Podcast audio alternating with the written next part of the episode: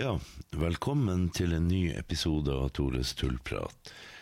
Vanligvis sitter jo jeg bare og prater rett ut i ingentingen, men i dag har jeg med meg en dyktig historiker. Velkommen til deg, Mats Tangestuen. Det er fint å ha deg her. Så god dagen, Mats. God dag, Tore. Mats er jo faglig leder for Jødisk museum i Oslo. Og jeg har invitert han hit i dag fordi han har en ekspertise som jeg rett og slett ikke har når det gjelder andre verdenskrig. For en tid tilbake kom jo NRK med en serie om frontkjemperne, altså norske som meldte seg frivillig til tysk tjeneste under andre verdenskrig. Og de var jo en gjeng som det er sagt mye om. Og i den serien fikk man jo vite mye om deres frontopplevelser, men veldig lite om hva de gjorde når de kom hjem. Hva gjorde de i forhold til norsk presse og offentlighet og alt sånt i den tida? Hva gjorde de i forhold til jødespørsmålet og alt sånt? Og det var det ingen som egentlig fant så mye ut av i serien. Så det skal vi prøve å belyse her nå, og jeg gleder meg veldig til å høre hva Mats har å si om det. Hold fast, nå tar det løs.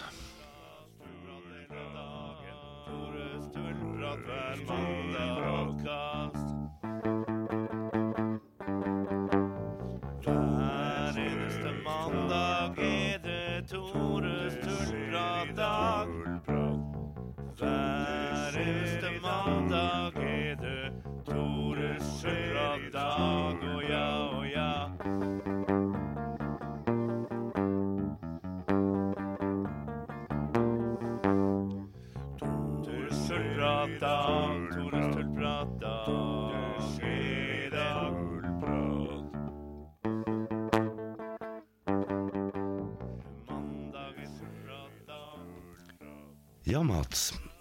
Da sitter vi jo her, og temaet er jo satt.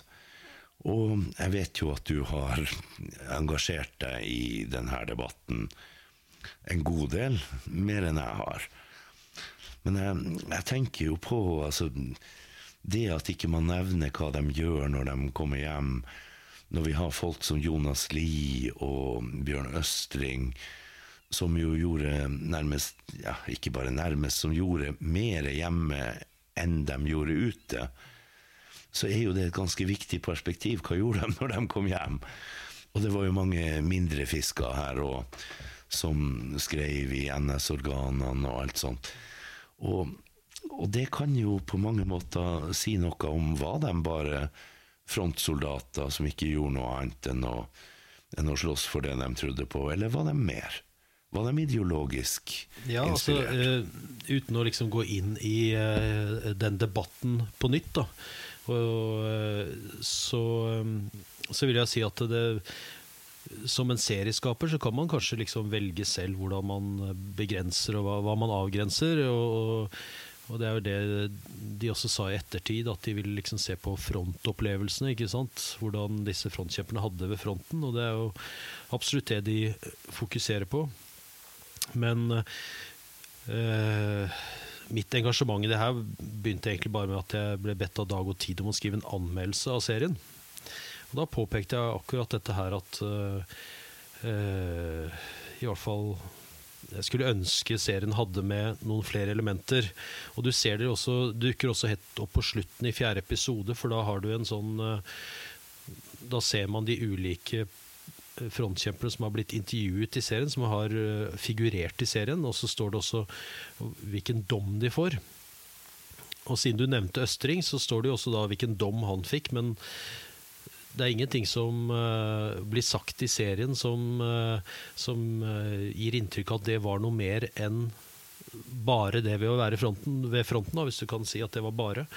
Eh, og blant annet, siden jeg jobber med den type historie jeg gjør, så mente jeg det var viktig å få fram også at han i dommen hans så ligger det også at han ble dømt for å da ha overtatt et jødisk hjem etter en, Uh, eh, ja, det var en mann, ung mann som ble deportert, mens hans kone og, og lille barn klarte å flykte til Sverige.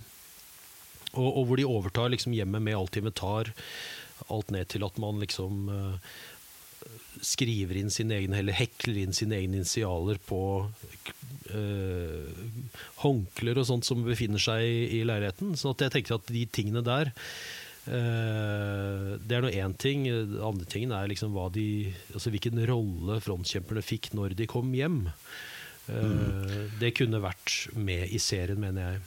Ja, for du har jo Altså, én ting er Østring og hans ting. Og han beundra vel også Quisling helt til sin død, hvis jeg har forstått ting riktig. Ja da, det var han helt åpen om i serien også, så det, han la ikke, det ble ikke lagt skjul på det, liksom. Det ble det ikke. Nei da, men du har jo La oss ta en som er svært kjent, og som er knytta også til min familiehistorie, faktisk. En viss Jonas Lie.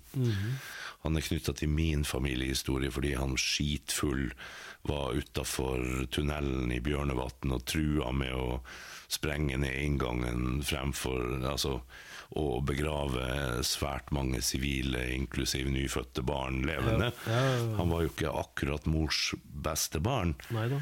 Men altså, han gjorde jo et og annet da han kom hjem. Ja, helt klart. Og øh, Men jeg tenker altså Ja, han er selvfølgelig en øh, Og han er jo også en figur som man øh, vet etter hvert ganske mye om. Men øh, men, og debatten sånn i ettertid har jo også gått på det mer Det har gått på at øh, hva øh, Hva var beve, de ulike beveggrunnene for å verve seg? Og er, alle skjønner det at Uh, disse personene i ulik alder hadde, kunne ha ulike beveggrunner, men, men, uh, men hvis man ser på hvis man ser på selve vervingsprosessen og hva de ble fortalt, og hva, hva, altså hva, øh, hva som ble brukt i vervingen, så ser man også at det er, det er ikke bare det som de har fortalt i ettertid, altså kamp mot bolsjevismen, men det, det jødiske som, en, som en, eh, en, en truende kraft er også veldig viktig i den, eh, i den vervingsprosessen. Eh, og i, spesielt i disse organene som liksom var Hirdmannen og eh, Ja, disse organene som var for Nasjonal Samling sjøl. Så er det her eh, ganske nærværende. Og i serien så blir det jo også så, så legger Jeg skal ikke si at man legger lokk, men man nevner jo omtrent ikke den ideologiske, øh, ideologiske skoleringen soldatene hadde før de kom til fronten. Og den slutter ikke heller ved utdannelsen, men den er også med øh, i eh, ordrer, i radioprogrammer, i det propaganda de leser ved fronten også. De er politiske soldater, som det ble sagt på den tiden. Mm. De er en annen type soldater enn en, en helt vanlige soldater. Eh, Så eh, Skal vi da skyte inn at det her er da snakk om SS, Schutzstaffel, altså, Ja. som er noe helt annet enn den normale hæren. SS var jo egentlig ikke en hæravdeling. De begynte jo som en, en livgarde for Hitler allerede før maktovertakelsen, og de sto utafor det militære systemet. Og i sånn, De kom vel ikke inn i den militære forsyningstjenesten før 42-43, hvis jeg husker rett.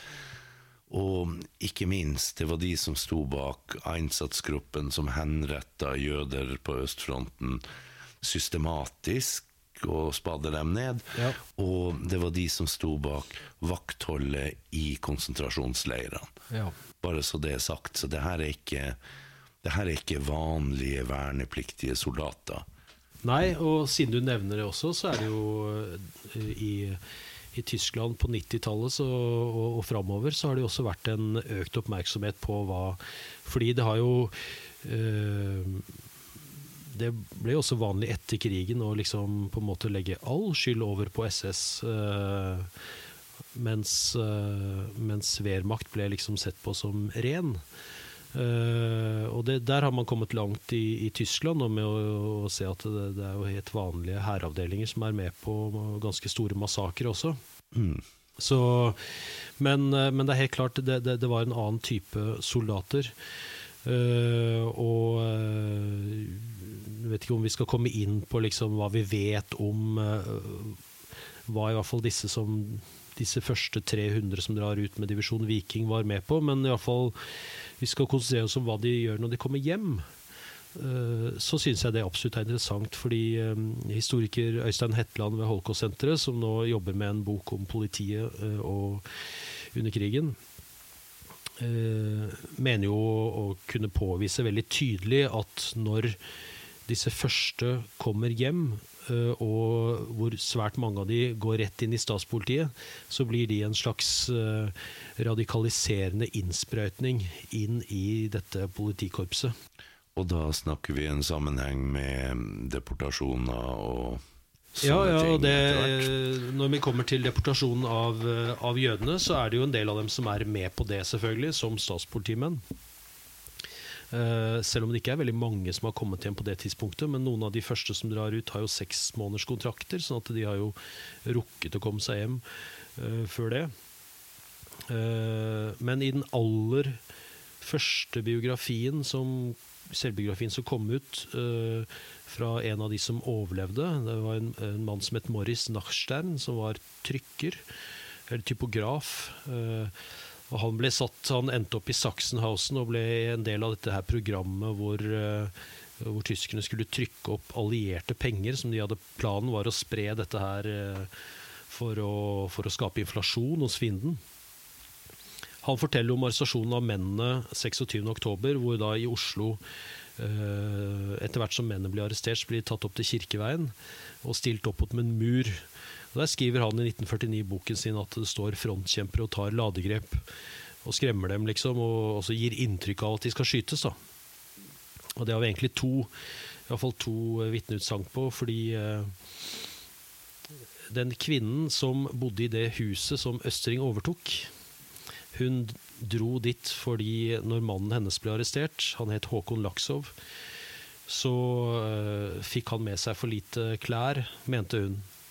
Og de bodde ikke så veldig langt unna, så hun, hun gikk dit med mer klær til han. Og i et intervju på 90-tallet så forteller hun at det synet som møtte henne, med disse mennene som står oppstilt, og, og disse uniformerte som står der med geværer og øh, så ble det et sånn sjokk på henne at hun bare hun tisset på seg. Og så klarte hun ikke å gjøre noe, hun bare gikk hjem. Eh, og når Moritz Nachstein skriver at dette var frontkjempere, så var jo ikke de, vil jeg ikke tro at de var i uniformer som eh, kunne identifisere dem som frontkjempere. Eh, enten de da var en del av disse germanske SS Norge som ble sendt ut, eller de var statspolitifolk, men det vet jeg ikke. Men, eh, men man kan jo tenke seg at de, de bare gjør noe de allerede har vært med på i øst. Mm. Og sånne liksom-henrettelser er jo svært langt over grensen for tortur. Ja, ja. Det er jo ikke eh, spørsmål. Helt klart. Absolutt.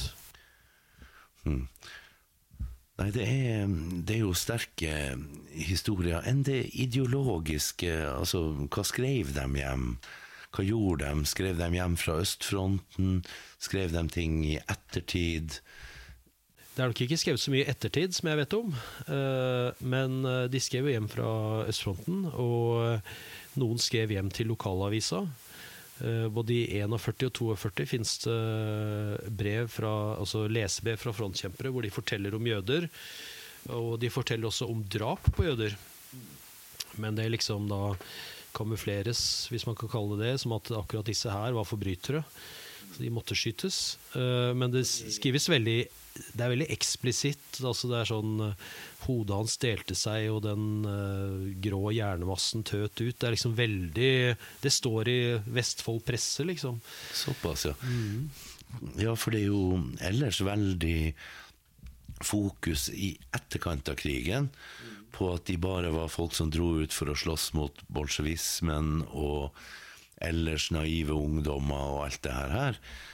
Og de fremstilles seg jo sjøl, og fremstilles til dels som om de egentlig ikke bidro til noe overgrep når de først var i øst. Men vi har jo f.eks. Olav Tuff sin beskrivelse. Nå skal det jo sies at han nekta jo lenge for å ha vært med på overgrep, men etter hvert så åpna han opp og fortalte, og det er jo ganske groteske ting. Han sto vakt når de dreiv sivilbefolkninga i en landsby inn i ei kirke og satte fyr på. Sant? Altså det, du, du skal jobbe hardt for å finne et verre overgrep å begå. Så har jeg jo hørt en som problematiserte at ja, men han nekta for det før, så hvilken Olav Tuff skal vi tro på? Men, men for min egen del, når jeg med litt erfaring fra folk med forskjellige traumer, når jeg ser det der eh, anstrengte smilet hans og hører den der eh, halvlatteren som forteller at oi, her er det traumer her, så tviler jeg ikke på hvilken versjon av Olav Tuff jeg tror på, for å si det sånn. Så, så du har jo liksom fra Østring til Tuff er det ganske langt. Så det er klart det er to helt forskjellige personer og situasjoner. Ja, og ikke minst det å få være åpen og fortelle om ting. Klart, men, eh, men øh, jeg tror i hvert fall at hvis øh, de, disse første 300 som drar ut med divisjon Viking, og som da blir spredt på De aller fleste er jo i regiment Nordland, men, øh, men det er andre steder også. Og, og gjennom hele krigen så, så har du nordmenn i ganske mange avdelinger, og så er det noen av disse her som er i avdelinger hvor, det nærmest, altså hvor de ligger så isolert til at det er nærmest ingen sivilbefolkning å øh, gyve seg løs på, da, hvis man skulle mistenke at de hadde gjort det. Ja, snakker vi nå Kaprolat, Tasselmann, sånne type Sånne, sånne steder, ja. Uh, men så har de jo eh, bandebekjemping på Balkan. eh, eh, hvor det har liksom i hvert fall dukket opp noen berett, i hvert fall én beretning uh, i dagboksform. Men uh, selve det som skjer på østfronten, og hva de har vært med på sånn Jeg vil ikke akkurat si at jeg er ekspert på det selv. Jeg husker at jeg ja, Det er mange år siden nå, 15-16-17 år siden, så satt jeg og leste gjennom en landsvikssak mot en ung mann fra Sandefjord. Eh, som hadde gjort mye i Norge etterpå. Og den strenge dommen han fikk, den eh, eh, hadde med hva han hadde vært med på i Norge å gjøre.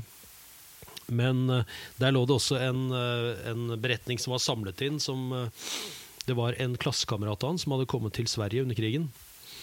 Og de som flyktet til Sverige, de ble jo da bedt om å fortelle hva de visste om lokale forhold, og ikke minst lokale eh, landssvikere, eller eh, folk som samarbeidet med tyskerne, stripete, kall det hva du vil.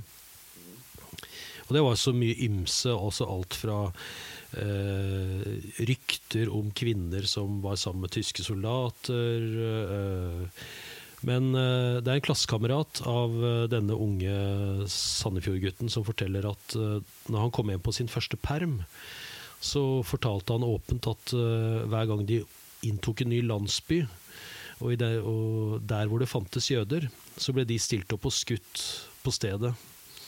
Eh, nå ble ikke lagt noe vekt på den eh, den meldingen i selve Landsvik-saken. Og eh, overgrep mot jøder som ikke skjedde i Norge, men også mot det som skjedde i Norge, var egentlig ikke et veldig stort tema under Landsvik-saken i det hele tatt. Men, eh, men det er jo en interessant opplysning. Eh, helt klart. Ja, ja, ja. Det må man jo si. Og det er klart at eh, bandebekjemping på Balkan, som du snakker om, det høres jo også veldig sånn riktig og rett ut. Altså Det er klart at man må jo jakte ned bander. Men, men vi snakker jo her om, om partisaner av diverse opphav som, som prøver å slåss mot okkupasjonen. Og behandlinga de fikk, var vel heller ikke spesielt mye bedre. Nei, og det er klart også, der brukte man jo da liksom krigens lover og, og uh, utdefinerte disse som uh, ikke lovlig stridende. Uh, og det er sikkert Det er mer interessant å se hva som da skjer med resten av sivilbefolkningen, f.eks. Om det er straffeaksjoner mot landsbyer og, Ja, ja, ja. og sånt. Og så har du jo altså, det som ble gjort mot den jødiske befolkninga i landsbyer man inntok, det har jo ingenting med å være stridende å gjøre. Det har ingenting i det å være hele tatt. Det, det, det, man skal jobbe veldig hardt for å definere det sånn. Ja, altså jeg, jeg tror jo eh, åpent og oppriktig at eh, nordmenn ikke er bedre enn eh, andre mennesker. Det tror jeg faktisk vi skal være enige om. ja. Sånn at eh, det er klart at når de kommer inn i dette systemet her, og eh, som SS var, og som Divisjon Viking var, og eh, i noen avdelinger hvor det var veldig få nordmenn, så tror jeg altså, vi, Hvis det var sånn at det uansett dette her var noe de egentlig ikke ville være med på Det er veldig individuelt, selvfølgelig, men eh, så var det kanskje ikke så mye rom for det heller. Og eh, krig virker jo brutt, Altså, jeg sier ikke det her for å, for å, å for å rettferdiggjøre, men krig virker uansett brutaliserende. Og det vet man altså, bare historier fra Vietnamkrigen. Det går en sånn, har gått en, eller, ligger en sånn fantastisk Ken Burns-dokumentar ute om uh, Vietnamkrigen, hvor det er en sersjant som liksom reflekterer over hvor fort unge amerikanske gutter fra landsbygda og fra byene kunne, kunne liksom Altså hvor kort tid det tok før de kunne gjøre ganske grusomme ting mot sivilbefolkningen, og, og hvor da eh, in- ingrediensen i denne farlige suppa det var eh, at kamerater ble drept, og at man får et hevnmotiv. Eh, det nok, er nok en sånn allmenngyldig ting som har vært i kriger eh, alltid. Det er jo en, en helt menneskelig sak. Det er jo ikke spørsmål om altså, at kriger forråder. Det er det jo ikke et, et sekund noe tvil om, og det vil jo ha skjedd med de her som med, med alle andre. Samtidig så er det liksom et argument som brukes stadig vekk, som jeg har lyst til å, som du nevnte, som jeg har lyst til å ta to ord til om. Men vi tar en kjapp avbrekk, og så skal vi bytte tema her. Tore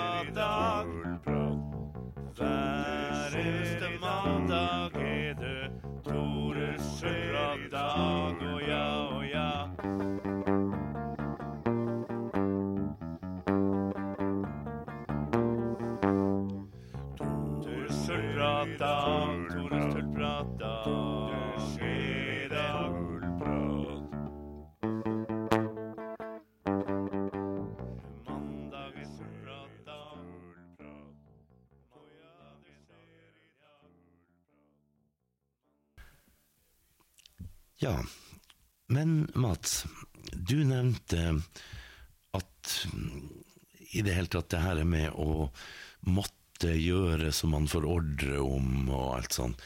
For det er jo et, et stadig sånn forsvar man hører for frontkjempere og sånt, at hvis de ikke hadde gjort det de hadde fått ordre om, så hadde de vært henretta. Det hører man jo ikke bare om frontkjempere, men i det hele tatt om folk som slåss for det tredje riket, at det sies. Men når vi kommer til f.eks. de her Einsatzgruppen som rett og slett altså var omreisende henrettelsesskvadroner som dro inn i nyerobra områder og henretta alle jødene de fant, for, å, ja, for at verden skulle bli kvitt det problemet, så, så er det jo et faktum at der er ikke dokumentert at noen som nekta, ble henretta for det. Tvert imot så ser det jo ut som at de har, har da rett og slett kunnet søke seg til andre enheter, og så vidt jeg vet aldri hatt problem. Ja, i hvert fall så eh, Christopher Browning, som skrev om eh, politibataljon 101, eh, som jo da først og fremst var sammensatt av altså, vanlige politifolk, tyske politifolk, Uh, har iallfall påvist det at uh, de som uh, ikke ville være med på disse skyting, masseskytingene uh, Det ble ikke, ble ikke gjort noe rettslig mot dem, eller det ble ikke skutt eller, eller noe sånt. Samtidig så var det selvfølgelig et slags gruppepress, fordi dette her ble sett på som, eh, som et eh, Altså dette blir sett på som en, eh, en tung oppgave. Uh, og, eh, og det opps- oppsto et gruppepress som gjorde at det å liksom unndra seg det, ville gjøre at da måtte bare kollegaene dine, altså venner, kameratene dine, uh, gjøre det mer. Uh, så, så det er mer den der gruppedynamikken som er problemet, antagelig, eh, enn eh, enn, eh, frykten for represalier. Ja, og det er vel faktisk en av de få tingene man ser i Frontkjemper-dokumentaren med en som nekter å skyte fanger, og det presset og utskjellinga han fikk. Men allikevel, han kom jo levende hjem. Ja, og eh, vi har jo bare hans ord for hvordan akkurat den situasjonen der skjedde, selvsagt. Så eh, hvis vi skal tro på at eh, han, det han beskriver er en riktig beskrivelse, så, så var det ubehagelig for han. Men det ble ikke gjort noe mer rettslig mot akkurat den frontkjemperen. Det var det ikke. Nei. Det som, det som forundrer meg litt Altså, nå må jeg gå litt utafor frontkjempertingen òg, men det er jo Jeg har jo lest en del om da intervjuer med, med tidligere SS-soldater, inklusiv medlemmer av innsatsgruppen og, og sånne type ting, hvor, hvor det er dokumentert eh, veldig lite direkte anger, men, men mye selvmedlidenhet. Altså, ja, men jeg måtte jo stå midt i blodet og skyte de som ikke var døde allerede, det var synd på meg. Men, men egentlig lite anger i forhold til de som lå i grava der og ble skutt. Og, og det, fra det jeg har lest i hvert fall, så virker det som en ganske gjennomgående eh, tema. Altså at det, angeren var ikke så stor, men, men selvmedlidenheten større. Og når vi kommer til de norske frontkjemperne, så er jo min opplevelse at de har brukt mange, mange tiår på å fornekte og, fremstille seg sjøl som, ja, det er jo stygt sagt, men litt sånn eh, riddere i rustning som bekjempa bolsjevismen, og de har veldig klart tona ned hele tid sin rolle i det. Som sagt, vi skal jo ikke diskutere den serien spesielt, men en ting som jo du reagerte på, og det gjorde jeg òg, det var jo det her når den fortellinga når Olav Tuff og noen kamerater sitter med noen andre soldater og ser på at fanger blir skutt, og overskriften blir, blir de norske mm, frontkjemperne overværer nazistenes brutalitet. Men SS-soldater er jo del av nazistenes brutalitet. Altså det, Ja, det er ja. umulig å skille de sånn. NRK hadde en sånn eh, overskrift på den episoden som de endra veldig fort, for dette jo, det gikk jo litt sånn viralt. Eh, de norske frontkjemperne ser nazistenes grusomheter, tror jeg det var. Eller ser, ser nazistenes krigsforbrytelser. Jeg husker ikke helt hvordan det sto nå. Ja, det er klart, og det, hvis du ser på de norske frontkjemperne Altså, det er jo en stor gruppe, så hvis, så hvis du ser på de som har uh, ytret seg etter krigen, da. Uh, både gjennom eh, avisa for NS-veteranene, Folk og Land, som jo ligger åpen, og som på nettet alle kan lese hva som står der, så er det jo først og fremst uh, rettsoppgjøret sant, som, uh, som de mener er urettferdig, å stemple, front, stemple landssviker. Og det, er, altså, det er alt dette her som, uh, som liksom er bli, blir et eh, ja, At de ser på seg selv som ofre. Og siden jeg nevnte Christopher Browning i stad, så er jo det han også fordi han hadde et ganske sånn Han hadde et kildemateriale som vi ikke har i Norge. Fordi disse sakene ble etterforsket i Tyskland på 60-tallet. Da fikk du dybdeintervjuer eller avhør med, med mange av deltakerne. Både offiserer og menige. Uh, og de så på seg selv som et offer. Uh, mange av dem, ikke sant? Fordi uh, de måtte være med på dette her. Eh, og vi har ikke lignende kildemateriale på de norske frontkjemperne. Vi har deres egne beretninger, eller et fåtall egentlig, da. Uh, selv om det er en del, god del som egentlig har skrevet bøker. Så har vi ikke en, uh, slike rettslige undersøkelser, nettopp fordi eh, under rettsoppgjøret etter krigen så var man egentlig ikke interessert eller man var ikke interessert i hva de hadde gjort på fronten, annet enn hvor lang tid man hadde vært der, og hvilken grad man hadde og sånne ting. Men for å problematisere det her med å måtte Altså, SS var jo tross alt en organisasjon du aktivt måtte melde deg inn i, med opptakskrav hvor du måtte vise arisk opprinnelse og, og hele pakka. Hvordan kan man, når man har meldt seg inn i noe sånt, påstå at man måtte? Man har jo tatt et aktivt valg. Og det er jo altså en viss Horst Tappert, vår kjære og svært høyt elska Derrik, fikk jo de, skal vi si det mildt, kjipe spørsmålene når det ble kjent. Altså, for det var jo kjent at han hadde slåss under krigen, men det var ikke kjent at han slåss i en SS-avdeling. Og det var selvfølgelig ganske annerledes enn å bli dratt inn i Wehrmacht som vernepliktig. Så ja, i det hele tatt når, når vi kommer til sånt, er det virkelig at man må? Ja, og øh, hvis du ser på de apologetiske forklaringene øh, hva gjelder norske frontkjempere, så har jo det først og fremst gått på alder. Og at de var del av et miljø som gjorde at det var naturlig, og at de ikke var øh, kanskje voksne nok til å, å, å ta selvstendige valg. Og det fins eksempler på øh, kanskje fedre da, som liksom sterkt oppfordrer eller presser sønnene sine til å ta disse valgene. Og, men, men det er klart at når du ser øh, Gjennomsnittsalderen for de første som drar ut, er 25 år. Nettopp. Så de er ikke naive 16-åringer? De er som- ikke naive 16-åringer, og det fins og så Ser du på tapslistene på f.eks. de som eh, eh, de som faller ved Cappelen og Hasselmann, så ja, det dukker opp noen 16-åringer der, men det er ganske mange 30-åringer også. Så det er, en, eh, det er jo en sammensatt gruppe, det skjønner alle når det er, flere, når det er snakk om flere tusen. Og at eh, innimellom der så finnes det individuelle historier hvor, hvor det og, og egne tragedier, selvfølgelig. Men, eh, men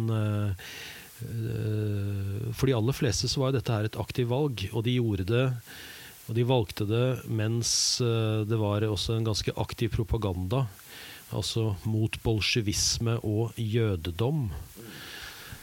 Nettopp. og så har man selvfølgelig lagt vekt på det bolsjevismen i etterkrigstiden. Det, for, det er har jo vært litt mer stuereint under er den kalde krigen, naturlig Det har vært, uh, ja, da kan man, altså, alt fra liksom de som mener at dette her var jo SS var jo på en måte bare uh, Bare starten på Nato, nærmest. Litt for tidlig. Det er vel kanskje å dra det ørlite grann langt, men det Uansett hva man skulle mene om Nato, så må vi man kunne si at det er å dra det litt ørlite langt, ja. Så eh, Ja, helt klart. Du eh, Det er eh, forsøk på å forklare bort det meste. Men det er nok vanskeligere å forklare bort noen av de tingene som skjer i Norge seinere. Det tror jeg. Ja, altså jeg kan forstå Jeg har nevnt Olav Tuff tidligere, som jo er definitivt nedskrevet som at han nekta på overgrep og sånt som har skjedd. Men, men altså Folk som han kan jeg forstå, og det har med det her med at man ser det her nervøse smilet og hører den der tynne latteren som sier at her er en mann som er tungt traumatisert som neppe har ville innrømme en gang for seg sjøl hva han har vært med på, men til slutt kom ut med det. Der er jeg i stand til å, å få en viss grad av sympati. Ikke med gjerningene. Altså, det, det er ikke noe å ha sympati med et menneske som står vakt for å passe på at ikke sivile kvinner og barn kommer seg ut av ei brennende kirke. Altså, det, det skal mye til for å få sympati med det. Men, men jeg kan tross alt forstå mennesket når jeg ser hvor traumatisert han er. Skjønner hva det er som skjer. kort og godt, ikke sant? Men så har du folk som Østring, som på ingen måte angra noe som helst. Og var, blant, var han den, den høyest dekorerte, eller var han Nei, han var ikke den høyest dekorerte, men han var jo på slutten av krigen så var han jo eh, sjef for førergarden. Det var han, som var jo, og, og han var jo eh, profilert, i hvert fall i deler av, under deler av krigen også. ja, Med andre ord ikke en naiv ungdom som syntes bolsjevismen var litt fy. Og eh, det er klart at eh, overgrep på østfronten, så så er det, det er problematisk kildemessig å skulle bevise ned på enkeltpersoner. Eh, Du det er ikke, har jo steder hvor det ikke er overlevende til å dokumentere det engang. Ikke sant? Eh, Men eh, det er ganske lett å sannsynliggjøre at en del av de norske var med på det. Og så er det forskjeller i hvor disse ulike avdelingene var, da som jeg var inne på i stad.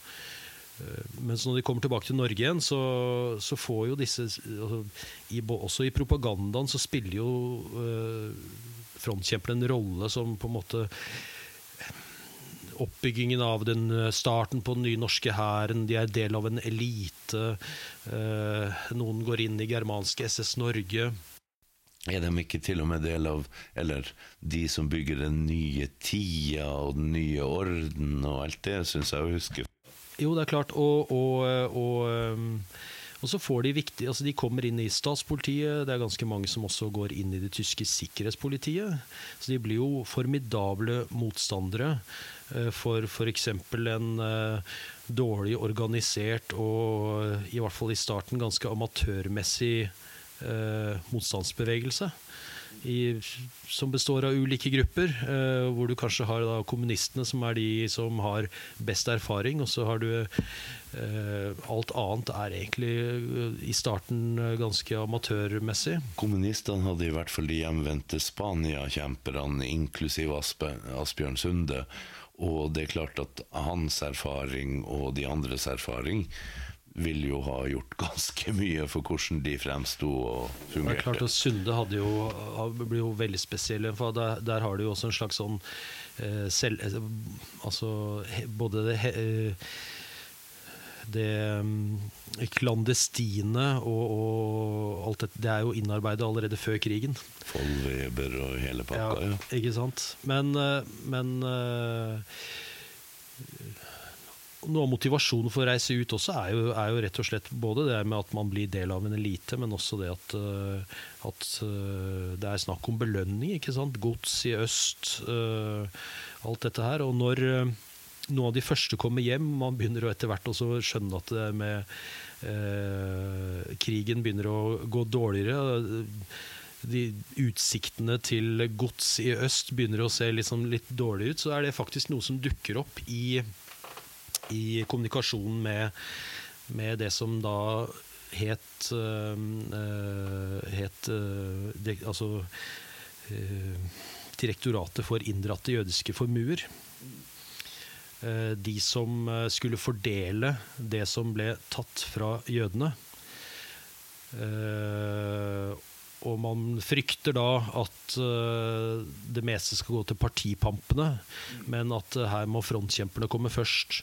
Og, det ser man også tydelig i fordelinger av leiligheter. Det er ganske mange flere jødiske familier jeg kjenner selv, som har sett på, eh, sett på hva som har skjedd med egen families eiendeler i nyere tid. eh, hvor, dette her, hvor leiligheter går til frontkjempere, da.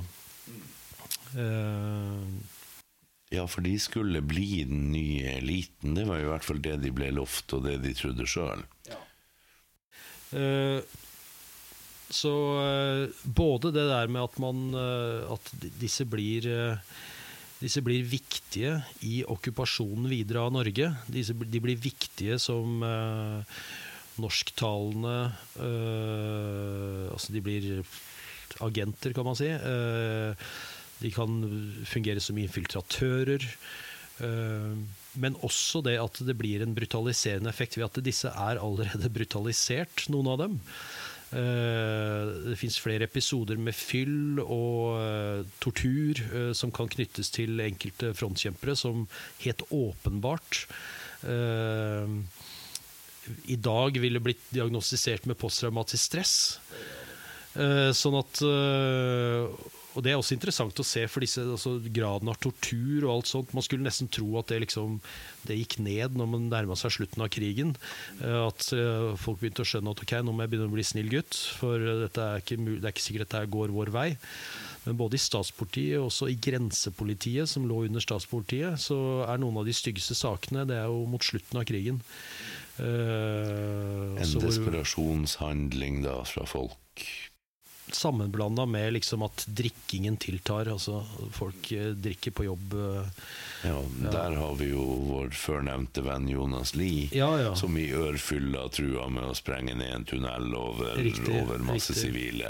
Altså det, det er nok Hvis han hadde overlevd 45, så hadde det nok ikke vært hans stolteste øyeblikk. Nei. Men spørsmålet er hvor mye han hadde huska fra akkurat den. Nei, det er klart, så at. Hvis både Lie og ikke minst Martinsen hadde overlevd krigen, så, så ville jo også rettsoppgjøret blitt litt annerledes, fordi det er eh, uh, Igjen så er det Det blir jo et annet tema, men eh, når folk er borte eller døde, så, så er det veldig greit å kunne skylde på dem òg. Å ja da. De blir lynavledere. Det er rart med det, de får ikke svart imot. Nei, det er nettopp det. Så nei da, så det Jeg tror vi har egentlig fått dekka det her temaet ganske godt nå, føler jeg. Og jeg er veldig glad for at du, Mats Tangestuen, valgte å komme hit og tilbringe en stund og spille inn noe med en gal finnmarking. Bare hyggelig. Og for min egen del, altså helt utafor temaet, så er det jo ei bok jeg har lest, både på norsk og tysk, som på norsk heter 'Med tyskerne på vestfronten', og på, på tysk heter 'Unter den Banner des Barbaren', som er av Lyde Ramstad. Han var ikke frontkjemper under andre verdenskrig. Han verva seg til krigstjeneste i Lübeck i 1915 under første. Og skrev som en av de mest fantastiske historiefortellerne jeg vet, skrev han altså en helt utrolig bok om sine opplevelser på vestfronten 1915 til 1918. Han var altså en gudbenåda historieforteller. Det betyr ikke at han var en snill gutt.